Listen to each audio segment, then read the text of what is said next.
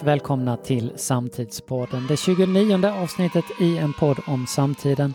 I en tid där samtiden gäspar åt det som dåtiden grät åt.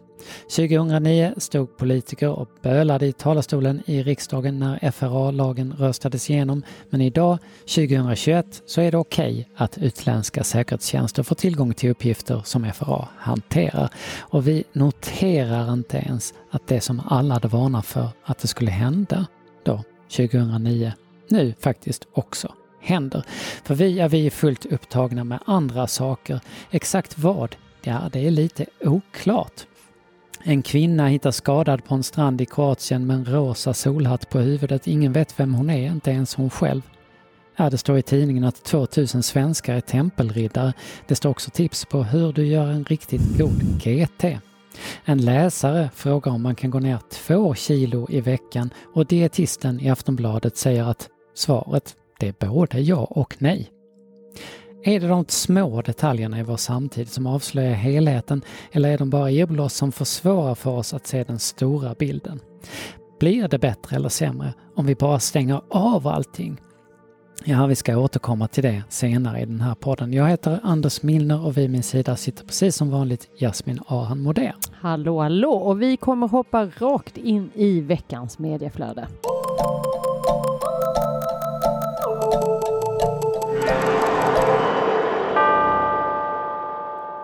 Och från USA kommer nyheten att ja, det var en statskupp som Trump planerade. Bob Woodward och eh, Robert Costas nya bok Peril som snart kommer ut kan visa detta svart på vitt.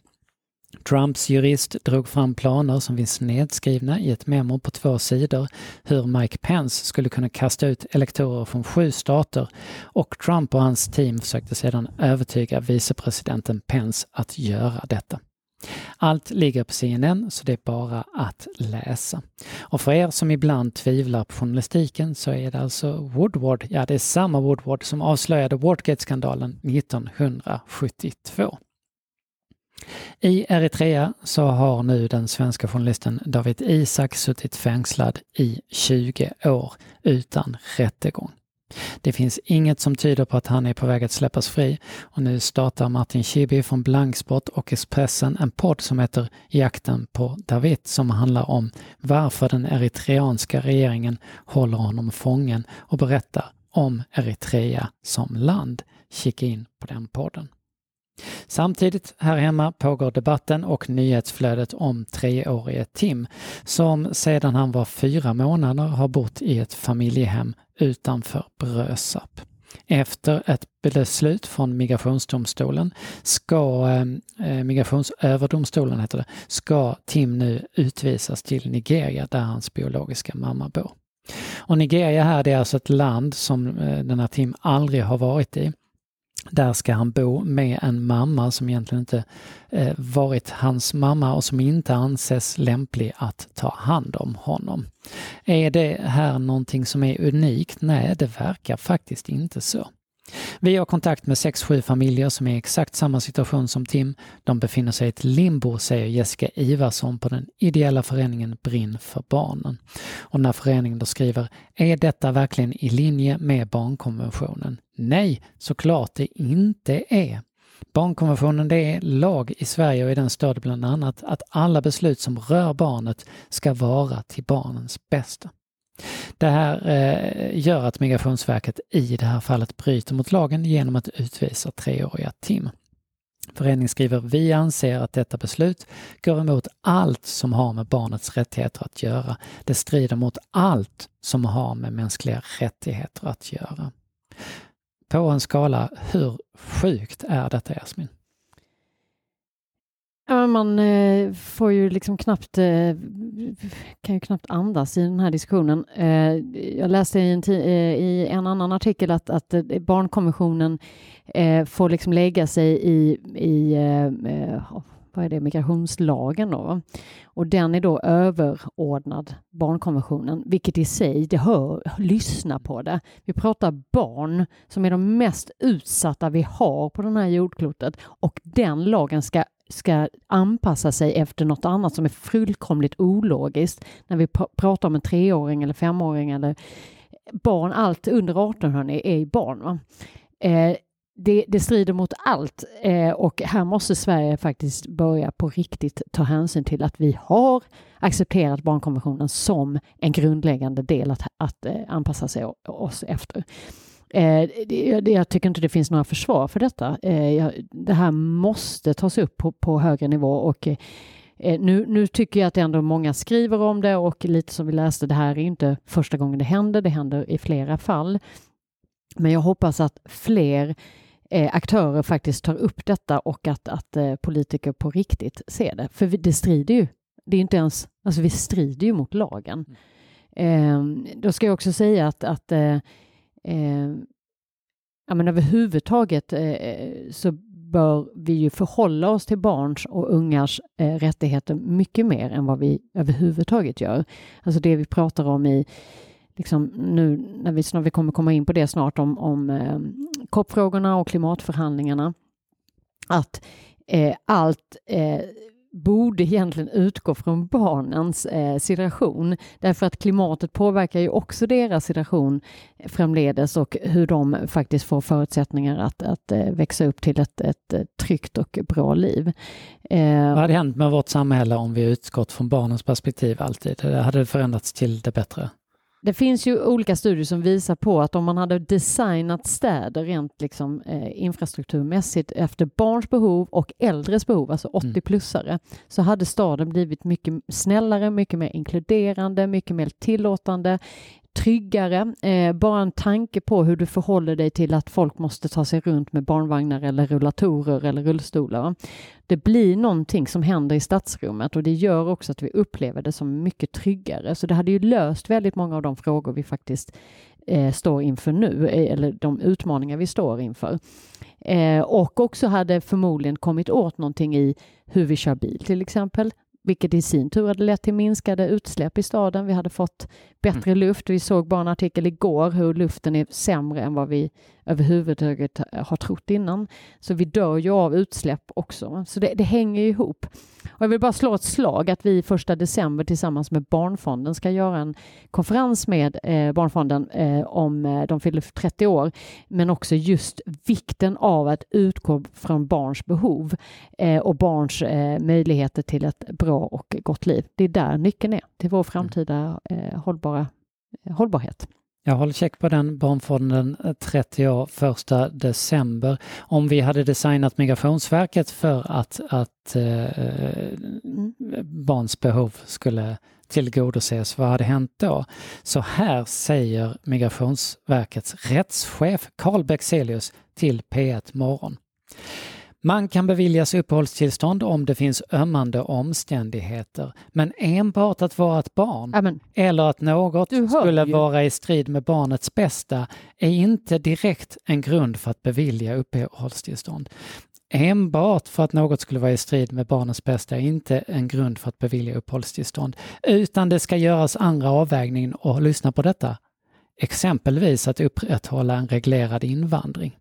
Och här har vi pudelns kärna, tycker jag. Mm. Det är hit den har mm. fört oss. Mm. Debatten om invandrare drev debatten, förfrämligandet av människor med eh, annan hudfärg som det handlar om. Skicka tillbaka dem, vad bryr vi väl oss? Här tänker jag liksom på ordens valör i diskussionen. Här har vi en treåring som... som eh, ja, men vad har det tagit som, oss? Alltså, vi, det är ju inte som mänskligt längre. finns i Sverige, bott i Sverige hela sitt liv, känner inte till någonting annat, aldrig varit i det här andra landet, ingen kontakt med släktingar, eh, pratar inte språket. Vem ska ta emot honom? Alltså det här är, att inte fler ställer sig upp och skriker i detta. Alltså när man själv har barn, vi har båda barn, alltså se det framför, det här är ju människor, det är små människor som inte överhuvudtaget har en egen möjlighet att uttala sig. Eh, Alex Schulman skrev en, eh, påpekade detta att eh, när man tog upp detta i migrationsdomstolen så menar han på varför ställer sig inte folk upp och skriker ut sin, sin ångest över att vi sitter och diskuterar om ett, en treåring har, om vi ska om detta är i strid med barnets bästa, det är klart att vi måste utgå från barnets bästa. Det är ju det är där vi måste utgå ifrån. Detta är, detta är så otroligt bra exempel att vi är på fel så fruktansvärt fel väg. Och ni som lyssnar på detta, ställ er upp och skrik. Vi måste göra detta. Detta handlar om vår överlevnad på sikt. Vi måste prata om att ta hand om våra barn. Och Brinn för barnen, om ni googlar på detta, har en namninsamling. Det är väl runt 130 000 som Japp. skrivit på. Vi uppmanar er som Still lyssnar counting. att göra det. Säger vi vissa saker om och om igen hamnar vi här och då blir vi sådana som man sa förr i tiden. Gör inte så, du kan bli sån. Exakt. Nu har vi blivit sån. Ja. Vi har också en pågående kulturdebatt om litteraturlistor. Har du följt den Mm. Jasmin? Ja, lite vagt. Li- lite vagt. Mm. Den eh, började med att Aftonbladets litteraturredaktör skrev argt om topplistor i tidningen. Alltså de här bästa böckerna, de hittar ni här, det är ens bästa lista. Och sen måste ju då alla kultursidor svara, för de har inget annat att göra på dagarna än att läsa andra kultursidor och svara och generera en självskapande debatt kan man säga. Nu skriver Karin Pettersson i Aftonbladet ett, en, ett inlägg. Hon vidgar det här till en bredare debatt om algoritmer som ger oss tips. Eh, och det är hon ganska mycket inne på i andra texter och böcker så som hon har skrivit. Och, eh, frågan är då inte listor eller inga listor utan hur människor överhuvudtaget ska få tillgång till något annat än det som algoritmerna skedmatar oss med. Hon skriver, hur skyddar vi våra hjärnor? Hur undviker vi att gå deras ärenden? Hur kastar vi grus i maskineriet, algoritmmaskineriet? Är algoritmerna under här? Vi ska försöka reda ut det. Jasmin, var får du dina tips från när det gäller kultur? Ja, personligen så, så går jag faktiskt ofta till, eh, eh, ja, men, hör av mig eller pingar folk och säger du, vad har du läst? Har du något bra eh, boktips eller, eh, eller filmtips eller vad det nu kan vara? Eh, Det är ett aktivt val. Det är ett går till aktivt någon val. annan människa du litar på och säger Absolut. vad ska jag läsa? Sen kan det ju poppa upp i, till exempel, jag följer eller jag lyssnar mycket på böcker på Storytel och där poppar det ju upp eh, om du har läst denna. Men jag checkar nog den. Alltså jag, jag går ju, ja men den kanske kommer upp på, min, på mitt nät hinner liksom. Ja, men du kanske jag kollar med dig. Där har du ett algoritmtips Ja, ja. tips som du sen kollar Ja, med någon annan ja, dag. Liksom. Ja, eller läser på. Alltså, jag menar, det är inte så att jag bara, åh, bara för den har dykt upp så kommer jag verkligen läsa. Alltså, jag, någonstans förhåller jag mig väl ändå. Det är ju samma sak som att gå in och titta på de här, ja men här är de 20 bästa, mest Men om sålda. du kommer in på Netflix så, Mm. så, så får du ju tips baserat Mm. på vad du Mm. tittar på. Mm. Du får inte alla filmer Nej. som finns på nätet. Nej. De kommer du liksom inte åt. Eh, jag tänkte så att jag skulle kika lite grann. Mm. Så vad, för framför mig här nu har jag alltså DNs lista. DNs kritiker listar de bästa böckerna, böckerna just nu. Nummer ett är Kerstin Ekman. Eh, nummer två George Saunders. Nummer tre är Jesper Högströms eh, bok om eh, Tora Dahl och hennes krets eh, och så vidare. De finns där och jag läser dem i tidningen. Nu går jag in på Amazon. Jag har två Amazon-konton. Eh, Ett i USA och ett i England. Intressant. Mm. Det är onödigt att bestämma saker från USA Ja, om jag kan köpa dem från England. Men hur Eller ser det hur? ut? Är det lika? Hur ser det ut här då? Ja, men om, om jag då kikar på, på, på den amerikanska här så kommer det första tipset här. Det är Lee Childs bok som han numera skriver med sin son Andrew Child. Det är ju hårdkokta slags eh, deckarhistorier som går om och om igen. De är likadana. De läser jag när jag är stressad. Mm. Mm. Det är jag tydligen eh, eh, ganska de. ofta för jag har läst 26 stycken. Det här får jag då Ska vi prata om det sen, på tal om... så, vi kan diskutera Lee Childs eh, kvaliteter eller inte kvaliteter sen, men här får jag ju tipset för att jag faktiskt har läst de 25 andra. Det här kommer aldrig komma in upp på DNs boktopplista. Därefter får jag ett eh, musikmemoarer här, eh, Little Stevens bok och John Hyatts bok. Där hade jag kunnat tänka mig att jag var faktiskt inte intresserad av John Hyatts bok. Den kommer heller aldrig komma. Jag läser jättemycket musikbiografier. Det är en sån som jag skulle läsa. Jag hade aldrig fått veta, tror jag, idén att den boken ens hade funnits. Kikar jag på um, um, engelska konto, kontot, då får jag upp uh, Sally Rooney som jag faktiskt tror är med i, um, i. DNs, DNs uh, tips. Hon kommer väl upp by default i. Här får jag på McCartneys eh, eh, låttexter och historierna bakom dem eh, som är också typiskt sådär Mm. att jag köper den typen av, Mm. av böcker.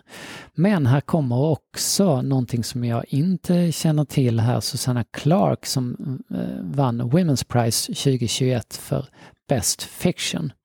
Till exempel. Det är typ en sån här som jag inte får tips om. Varför inte då? Jo, för att boklistan i DN, som jag inte har någonting emot, eh, den tipsar jag om svenska böcker. Mm.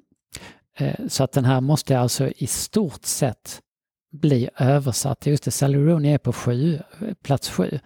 Eh, Den måste Mm. bli översatt Mm. till svenska Innan, innan den kommer, kommer där. dit. Mm. och det gör ju att jag eh, kan ju ligga då ett år efter, Mm. kanske, Mm. i- innan i detta. Och frågan då är, är ju, här är ju lite grann, eh, är det vad jag vill ha som är intressant eller är vad, vad den här experten som kan mer om litteratur i det här fallet än jag, är det mer intressant?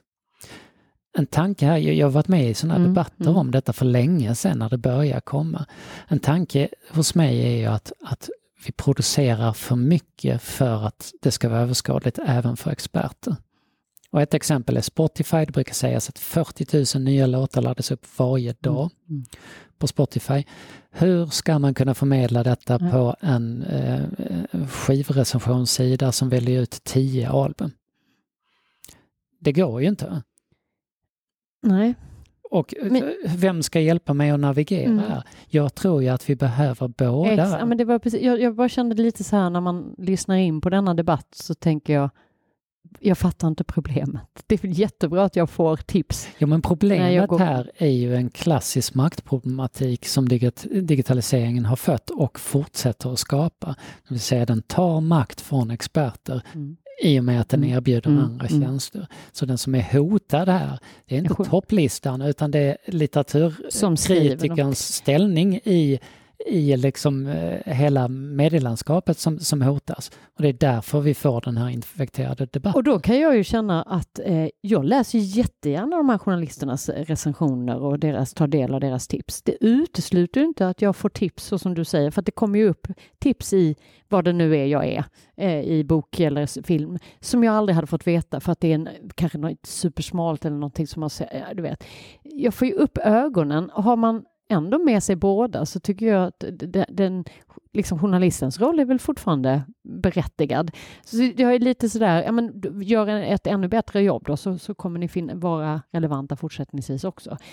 Just i det här ju fallet i alla fall. Så inte är- algoritmerna också. Ja. Alltså så länge, Absolut. om inte Amazon ger mig bra tips Så så kommer kommer, ju sluta. jag inte att köpa Nej. på Amazon. Så är det. Men eh, jag tror att man överskattar sin egen komplexitet som, som eh, kultur... Ja. Eh, eh, Jag tänker så här, lugna ner er, det blir bra. För att jag, jag tror att vi är inte så komplexa som vi är. Och dessutom så ljuger vi alltid för oss själva. Med riktig data så kan man ju se hur mycket, vad du lyssnar på Mm. på Storytel. Mm. Om du lyssnar klart en bok eller inte. Du kan köpa saker som du har hemma för att det är fint, men som du aldrig läser.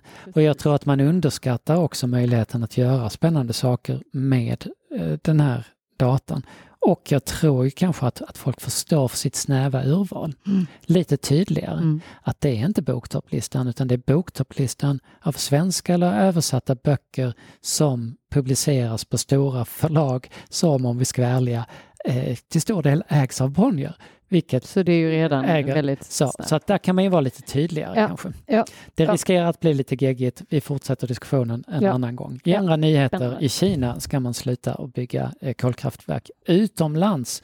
En mening på en presskonferens eh, avslutar detta. Det betyder jättemycket eftersom i de här länderna som det handlar om så har Kina varit en av de största finansiärerna för kolkraftverk. Mm. Och tillsammans med Sydkorea och Japan så, så eh, gör man nu ett, ett eh, drastiskt slag som, som eh, gör jättemycket. Det säger ingenting om vad man gör i Kina, där fortsätter man.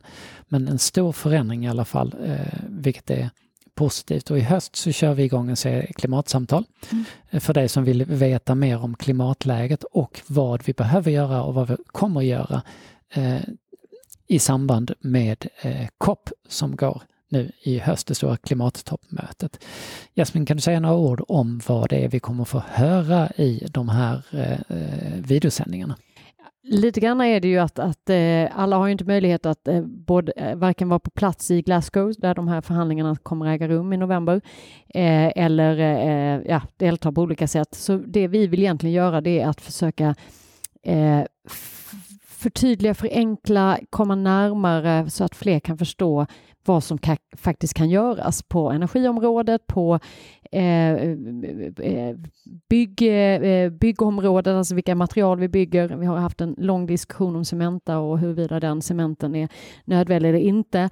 Eh, det finns mycket att säga om det, men det är inte jättemiljöbra, eh, så kan vi säga. Så det behövs den här diskussionen och den är ju en del av hela klimatförhandlingen som då sker på plats i Glasgow. Och det vi ska göra är ett nedslag i, i de här olika områdena, korta webinars med människor från de här olika branscherna som både inspirera, precis, inspirera, göra det begripligt och också ge förhoppningsvis lite tankar och eh, eh, känsla av att det går att göra någonting. Mm. Det, det är nämligen så, jag blir lite eh, beklämd därför att vi, vi ser varje dag nu att det är värre än vad vi trodde mm. på hela tiden. Jag vet mm. inte om ni som lyssnar märker det. Eh, det känns lite som vargen, vi skriker efter vargen igen. Ingen gör någonting. Jag var på en konferens i två dagar nu. Man, gladeligen serverar man både kött och flög till den här konferensen. 2021, jag tycker inte det är okej. Det är små symbolvärden, jag fattar det.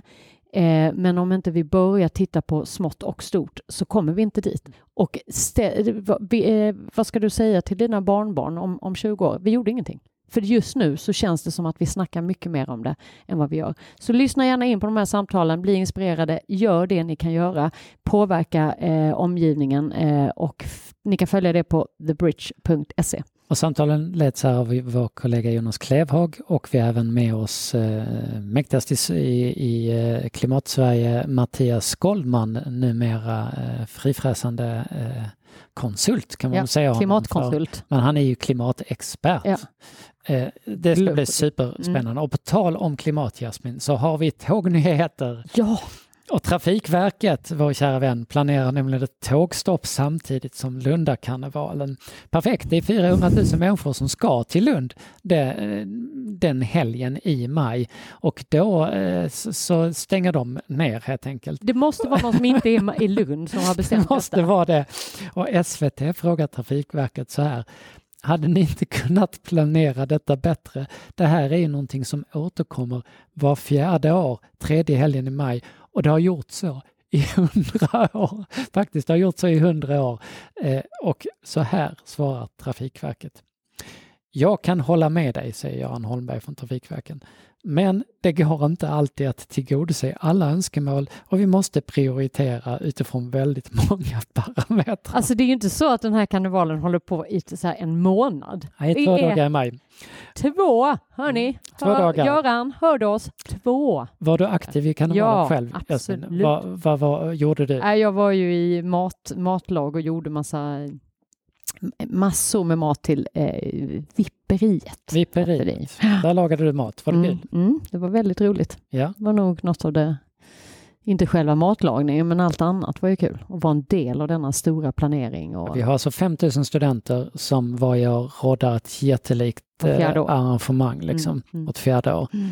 Eh, fantastiskt. Ja, det, det, eh. har man inte varit där så ska man eh, absolut besöka och är man student så ska ni absolut aktivera er. Det ska ni vara.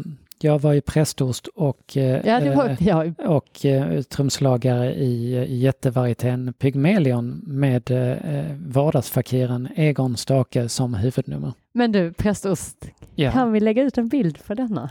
Vi kan, jag har bilder du på har bild, Vi måste, det är en av de bästa. Dessutom så var ju vår kollega Exakt. Jonas Klevhag en av fransbröderna, det vill säga, han gick omkring som fransman med en baguette. Vi måste dela dessa bilder. Vi ska se Stay om vi kan hitta dessa. Kan Stay tuned och mer tåg för SJ planerar nämligen nu en ny reseklass. De gör om här. Eh, ett och ett halvt år, inga tåg har gått. De passar på och man blir, jag blir av med alla mina sådana priopoäng. Man har inte kunnat resa men de, eh, liksom, de, de, de, de skjuts ju inte, skiter ju de i. Eh, och nu så, så steppar de upp sitt game lite grann här för här, de tar bort den tysta vagnen. Varför då, undrar du som lyssnar? Tysta vagnen, det är ju jätteskönt. Ja. Då slipper man ju sitta här på ja, någon exakt. som säger Bosse kan du skicka mig de Excel-filerna nu, jag behöver dem. Så, man tar bort de tysta vagnarna, nu inför man istället ett erbjudande. Det heter lugna vagnar. Det här placerar sig mellan klass 2 och klass, alltså det är nu tillbaka 1, 2, 3 egentligen, för vi har andra klass, där har vi pöben. Lugna vagnar, det kostar, då får man betala ja, ja, det för detta. Med. Och, eh, Andra, to- an, första, men andra, men så, tyst vagn, det är tydligt. Här är det tyst. Mm. Nu är vi en lugn Mm. vagn, där får man föra lågmälda samtal. Jasmin, vad tror du man Nej, får göra i det- en lugn det- vagn som man inte får göra i andra klass? Vad är din tolkning? Jag vet inte. Det är så många frågor på detta. Hur Ett- tänkte de? Har vi ett lågmält samtal nu? Nej, har vi det? Eh, Du är lite mer lågmäld Jag är lågmäld. Jag hade blivit utkastad. Du hade blivit utkastad. Men du får sitta och mumla på. Tror du alla kommer ha samma, samma tolkning vad, Såklart vad, vad en lugn vagn är? Detta är ju det här tydlighets... eh, Va? Man måste ju vara tydlig. Kommer återkomma till det. Och vi kommer återkomma till det här. I tyst vagn har jag blivit mordhotad av en man som aggressivt skrek in i sin telefon. Jag bad honom, kan du prata utanför? Han skulle döda mig. Då, då släppte jag det där. Jag har också hamnat i en, i en konstig diskussion med Christer Sandelin. Eh, Den. Chris- den Christer Sandelin som eh, krävde att dörren utifrån den tysta avdelningen där jag satt skulle vara öppen. För att han kände sig då? instängd när han satt i den vanliga, när dörren inte var öppen. Eh, Det var väldigt konstigt. Mm. På Twitter så svarar SJs kommunikatör klargörande. Lyssna på det här Jasmin. Enligt kundundersökningar vill kunder ha en lugn vagn utan störande ljud från till exempel telefoner eller större grupper, men där det ändå finns möjlighet till lågmälda samtal. Att frukost och kaffe och te ingår gör också konceptet mer efterfrågat. Välkommen till Lugn Lugn. vagn. Tyst avdelning, ja varför tar man bort det? Det var ett nischat koncept. Ja, så nischat skulle jag säga. Så, så. så vi tyst. Det är, uh, Okej, men det passar en mindre målgrupp där det ibland är svårt att leva upp till kundernas förväntningar. Eh, därför arbetades två klass lugn fram utifrån kundinsikter för att vara aktiv för en bredare grupp. Jag känner bara så här, SJ, ni har haft för lite för mycket tid under den här pandemin. Ni har inte haft någonting att göra.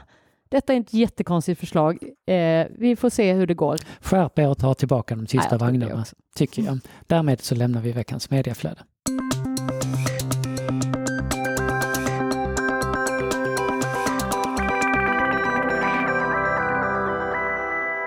Och veckans huvudämne det är en ledarskapsfråga. Jasmin, clear is kind säger vi ofta. Du säger det väldigt ofta. Vad betyder det? Och den andra då, motsats unclear is unkind. Eh, jag tror att många tänker att eh, om jag inte, jag behöver inte vara så, jag kanske inte måste påpeka något eller jag kanske inte måste fråga efter vad han, du... I vilka sammanhang är Ja men det är detta? jag skulle säga i, i alla sammanhang. Ja. Sen är det ju extra viktigt på jobbet för att om inte jag förstår vad du ber mig om och inte vågar ställa frågan, jag fattar inte vad du menar. Men det här, jag ska inte säga någonting. Vad, Ja, men det är att vi är ju många gånger i en situation där vi inte förtydligar. Eh, Du säger någonting till mig och så vågar vi inte riktigt ifrågasätta. Vad konstig eh, fråga jag fick av Anders. Jag fattar inte vad han säger, men, men vi ska vara lite artiga och inte, inte ska jag väl vara den som ska påpeka att din fråga eller din eh, begäran var helt korkad. Istället för Vet du vad, Anders, jag fattar ingenting vad du säger till mig just nu. Du måste vara tydlig i vad du vill. Men det handlar också om tydlighet i dead, om vi tittar bara på jobbet, deadlines, eh, vad jag vill ha av en, en kollega eller en chef eller vad det nu kan vara. Tydlighet vem jag vill ha det av. Att vara, någon har vi ju pratat mycket om. Kan någon hjälpa mig? Kan någon är hjälpa mig att hitta dokumentet jag Ja, letar efter? Det, kommer Det du är fel, det ska jag det inte säga. ska du inte säga. Jag ska vända mig till dig. Jasmin, kan du Ja, hjälpa mig ja. att hitta dokumentet? Eller har jag Jasmin- ingen deadline. Nej, men då får du gärna skriva den då också. Sen är det ju en ömsesidig eh, clearness. Jag ska ju också tillbaka säga, absolut Anders, när behöver du detta? Eh, och att inte, och också i den hela den här clear is kind också eh, få en bekräftelse att den personen du har pingat eller frågat eller bett om någonting kan säga ja, jag är på det. Så du får en respons att ja, jag har förstått din fråga, jag har förstått när den ska in eller när du behöver ett svar eller när du behöver någonting. För ofta är det också så att bara för att jag har ställt frågan så betyder inte det att jag kan släppa ansvaret. Det är först när den andra personen har sagt jag har accepterat eller förstått eller tagit emot. Men där är vi också väldigt eh, till mans skulle jag säga dåliga för man tänker att om jag bara släppt den så är det inte mitt ansvar längre. Mm. Så var supertydlig och detta, jag tror faktiskt att det här handlar om det i vårt privatliv också. Var tydlig med vad du vill, tydlig när du inte förstår någonting och fråga. Jag förstår inte. Jag satt i två dagars som sagt möte här. Att våga i styrelsesammanhang, i andra sammanhang där du sitter kanske med människor du inte känner. Det. Att vara tyst och bara hoppas att kanske någon annan förklarar det här sen hjälper ingen. Ställ då hellre frågan, jag förstår inte, kan inte någon bara förklara för mig en gång till så att jag, eller är det här så som jag uppfattat det? Och vilken skillnad gör det då inom en organisation eller team om det börjar, teamet börjar att, att vara tydlig på det här sättet? Dels så tror jag att man ehm, eh, undviker väldigt mycket frustration och missuppfattningar, att man bara tänker är den här personen dum i huvudet som inte har levererat det jag bad om? Problemet är ju sannolikt då att jag som har bett om det inte har varit tillräckligt tydlig. Men eftersom jag inte har fått någon, någon eh, kommentar på andra sidan så vet ju inte jag om att jag inte har varit tydlig. Så det är en ömsesidighet hela tiden. Och vara lyhörd för att, att liksom, förstår du nu vad jag menar? Att, att, liksom att båda har ett ansvar. Kommer man åt det så skulle jag säga att man sparar tid, man sparar frustration, man, man blir mer effektiv eh, och man blir, eh, istället för att jag har tagit fram, ägnat två dagar på att ta fram någonting som du inte alls behöver för att jag har missuppfattat dig, så kunde jag ju ha tagit fram liksom, det mycket snabbare och det korrekta. Annars kommer jag ju behöva lägga ytterligare timmar på att hitta det som är korrekt. Du blir förmodligen förbannad på mig, för jag har ju tagit fram något helt fel och du behöver det nu. Så det, jag tror att vi hade minimerat konflikter och, eh, och overload. Om vi tar det med oss och nu, nu går vi tillbaka till eh, om, om bara några, några, nästa vecka så har vi ju restriktionerna som upphävs och folk kommer tillbaka till sitt arbete. Vissa vill inte tillbaka. Jag läste en undersökning mm. där en fjärdedel säger att de funderar på att säga upp sig ja. om, om de tvingas tillbaka ja. på heltid. Så vi har det att dela med. Ja. Folk kommer fortfarande kanske att vilja vara hemma och sådär. Hur hänger det här ihop med, med Clear is kind? Ja, men där tror jag också att eh, som ledare och chef och, personalchef eller vad det nu är, vem som tar de här diskussionerna, är viktigt att, att eh, man inte sitter från toppnivå och beslutar hur det ska vara utan att man gör det tillsammans med sina medarbetare. Och det här handlar ju om, detta är ju generellt, ju mer man vet och förstår vad medarbetarna drivs och går igång på, ju mer kommer du också få ut tvärtom så att säga. Så det handlar ju om en lyhördhet överhuvudtaget och där tror jag att man kan gemensamt hitta former som fungerar för just er arbetsplats och för just den medarbetaren. Vissa kommer trivas jättebra med att komma tillbaks, vissa kommer inte alls trivas. Vissa kanske kan hitta en, en medelväg. Att ta in allt detta och då krävs det ju att du är tydlig, att du som chef vågar lyssna in på vad dina medarbetare vill, men också du som medarbetare faktiskt säger vad du vill, inte säger någonting bara för att du tror att chefen ska hör, vill höra någonting. För har du den öppenheten och transparensen och gemensamt då ser över vad är det vi vill uppnå med bolaget generellt. Vad måste, vad måste till för att detta ska nås? Kan vi göra detta med den här mixade önskningen om att sitta hemma eller vara på plats eller ha en blandning så tror jag att vi kommer komma hur långt som helst. Jag tror inte det finns något rätt eller fel. Men jag tror det är viktigt att ta hänsyn till vad man mår bäst och sen finns det säkert gånger du måste vara samlade fysiskt. Men då kanske det är i vissa begränsade sammanhang om nu väldigt många inte vill vara där alltid. Vilken, vilken är den största utmaningen tror du för, för, för bolag just nu, organisationer just nu i hösten? Våga lyssna in och våga eh, faktiskt förlita sig på att eh, Alltså jag tror många som hamnar i sitsen att nu måste alla tillbaka. Eh, det är jätteviktigt att alla är på plats. Det är kontrollmänniskorna som inte tror att deras medarbetare levererar fastän de sitter eh, utom synlighet. Nu ska man ju bara vara ärlig och säga att det har de ju ingen aning om de sitter på arbetsplatsen heller. Så det är ju bara en eller liksom på att man tror att jag har koll bara för att de sitter framför en dator. Det vet vi ju att eh, det kan man ju fejka om man nu vill det. Men eh, så jag tror att, eh, att släppa kontrollen, eh, ha tillit till dina medarbetare, annars hade du inte anställt dem. Och med det så eh, hitta det. Men jag tror utmaningen handlar om att, att våga att, eh, och inte liksom komma in med en, en, färdig lösning. Och vad är det man, man är rädd för? För du säger våga väldigt många gånger. Alltså, vad, vad är det jag man tror är man rädd är rädd för, för att eh, dels så tror jag att eh, många tänker att eh, när man inte har koll på sina medarbetare att de inte arbetar lika hårt som de kanske hade gjort på jobbet. Tror jag finns... Alltså man är rädd för att det blir en förlust i arbetstimmar? Ja, eller? ja om de fortsätter sitta hemma. Mm. Och att man inte får kontrollen över vad de gör.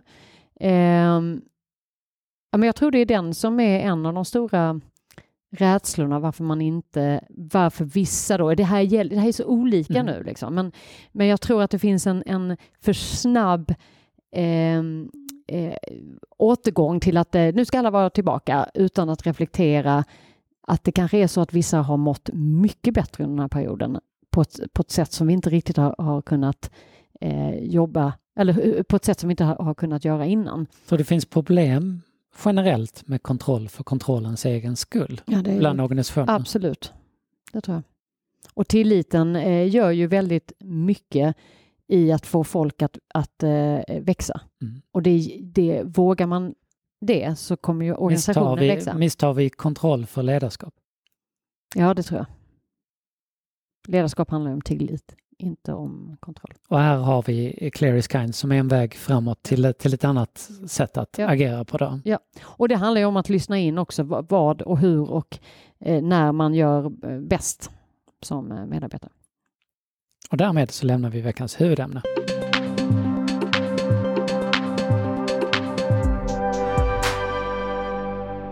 Och vi går in i veckans Men hallå, vilken är den värsta skräckfilm som du har sett Jasmin? Ja, men det var ju ett antal eh, sådana här hemska filmer man, jag såg i alla fall under eh, liksom, sen tonåring eller mitt tonåring och eh, jag har typ slutat se skräckfilmer efter det och då var Exorcisten var ju en av dem som Exos- jag vet. ja, Men det fanns ju några men andra. den är ju från 70... vet. Ja, Den är ju ja, jättegammal. den, ja, Ja. Men sen har jag, och sen har jag ju sett en drös av dem som liksom eh, klassikerna. Jag är ju inte skräckfilmsmänniska. Nej. Mina döttrar, min ena dotter försöker dra in mig i den här världen igen. Mm. I'm not going Har du sett Halloween-filmerna? Ja, men någon har jag sett. Ja, den eh, vita Ja, hockeymasken och så går. Michael Myers. Han går omkring Ja. med en kniv och hade Han mardrömmar i flera eh, år. Odödlig. Många, många filmer finns det om detta i alla fall.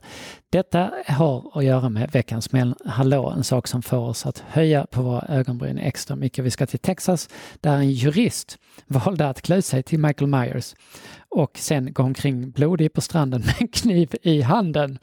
Ja, du kan ju tänka dig själv hur det känns om man ser Michael Myers på en kniv i Alltså, handen på en strand. Jag hade nog Man dött. hade nog dött. Polisen grep Ja, honom och upptäckte då att både kniven och blodet var fejk. Det roliga är ju vad juristen själv säger om detta. Han säger så här. Ja, men att skapa lite positiva vibbar till allt mörkt och dystopiskt som finns där ute i världen. Få folk att skratta och le och återskapa vår tro på mänskligheten. Ja, det är till hundra procent vad jag är för någonting som människa.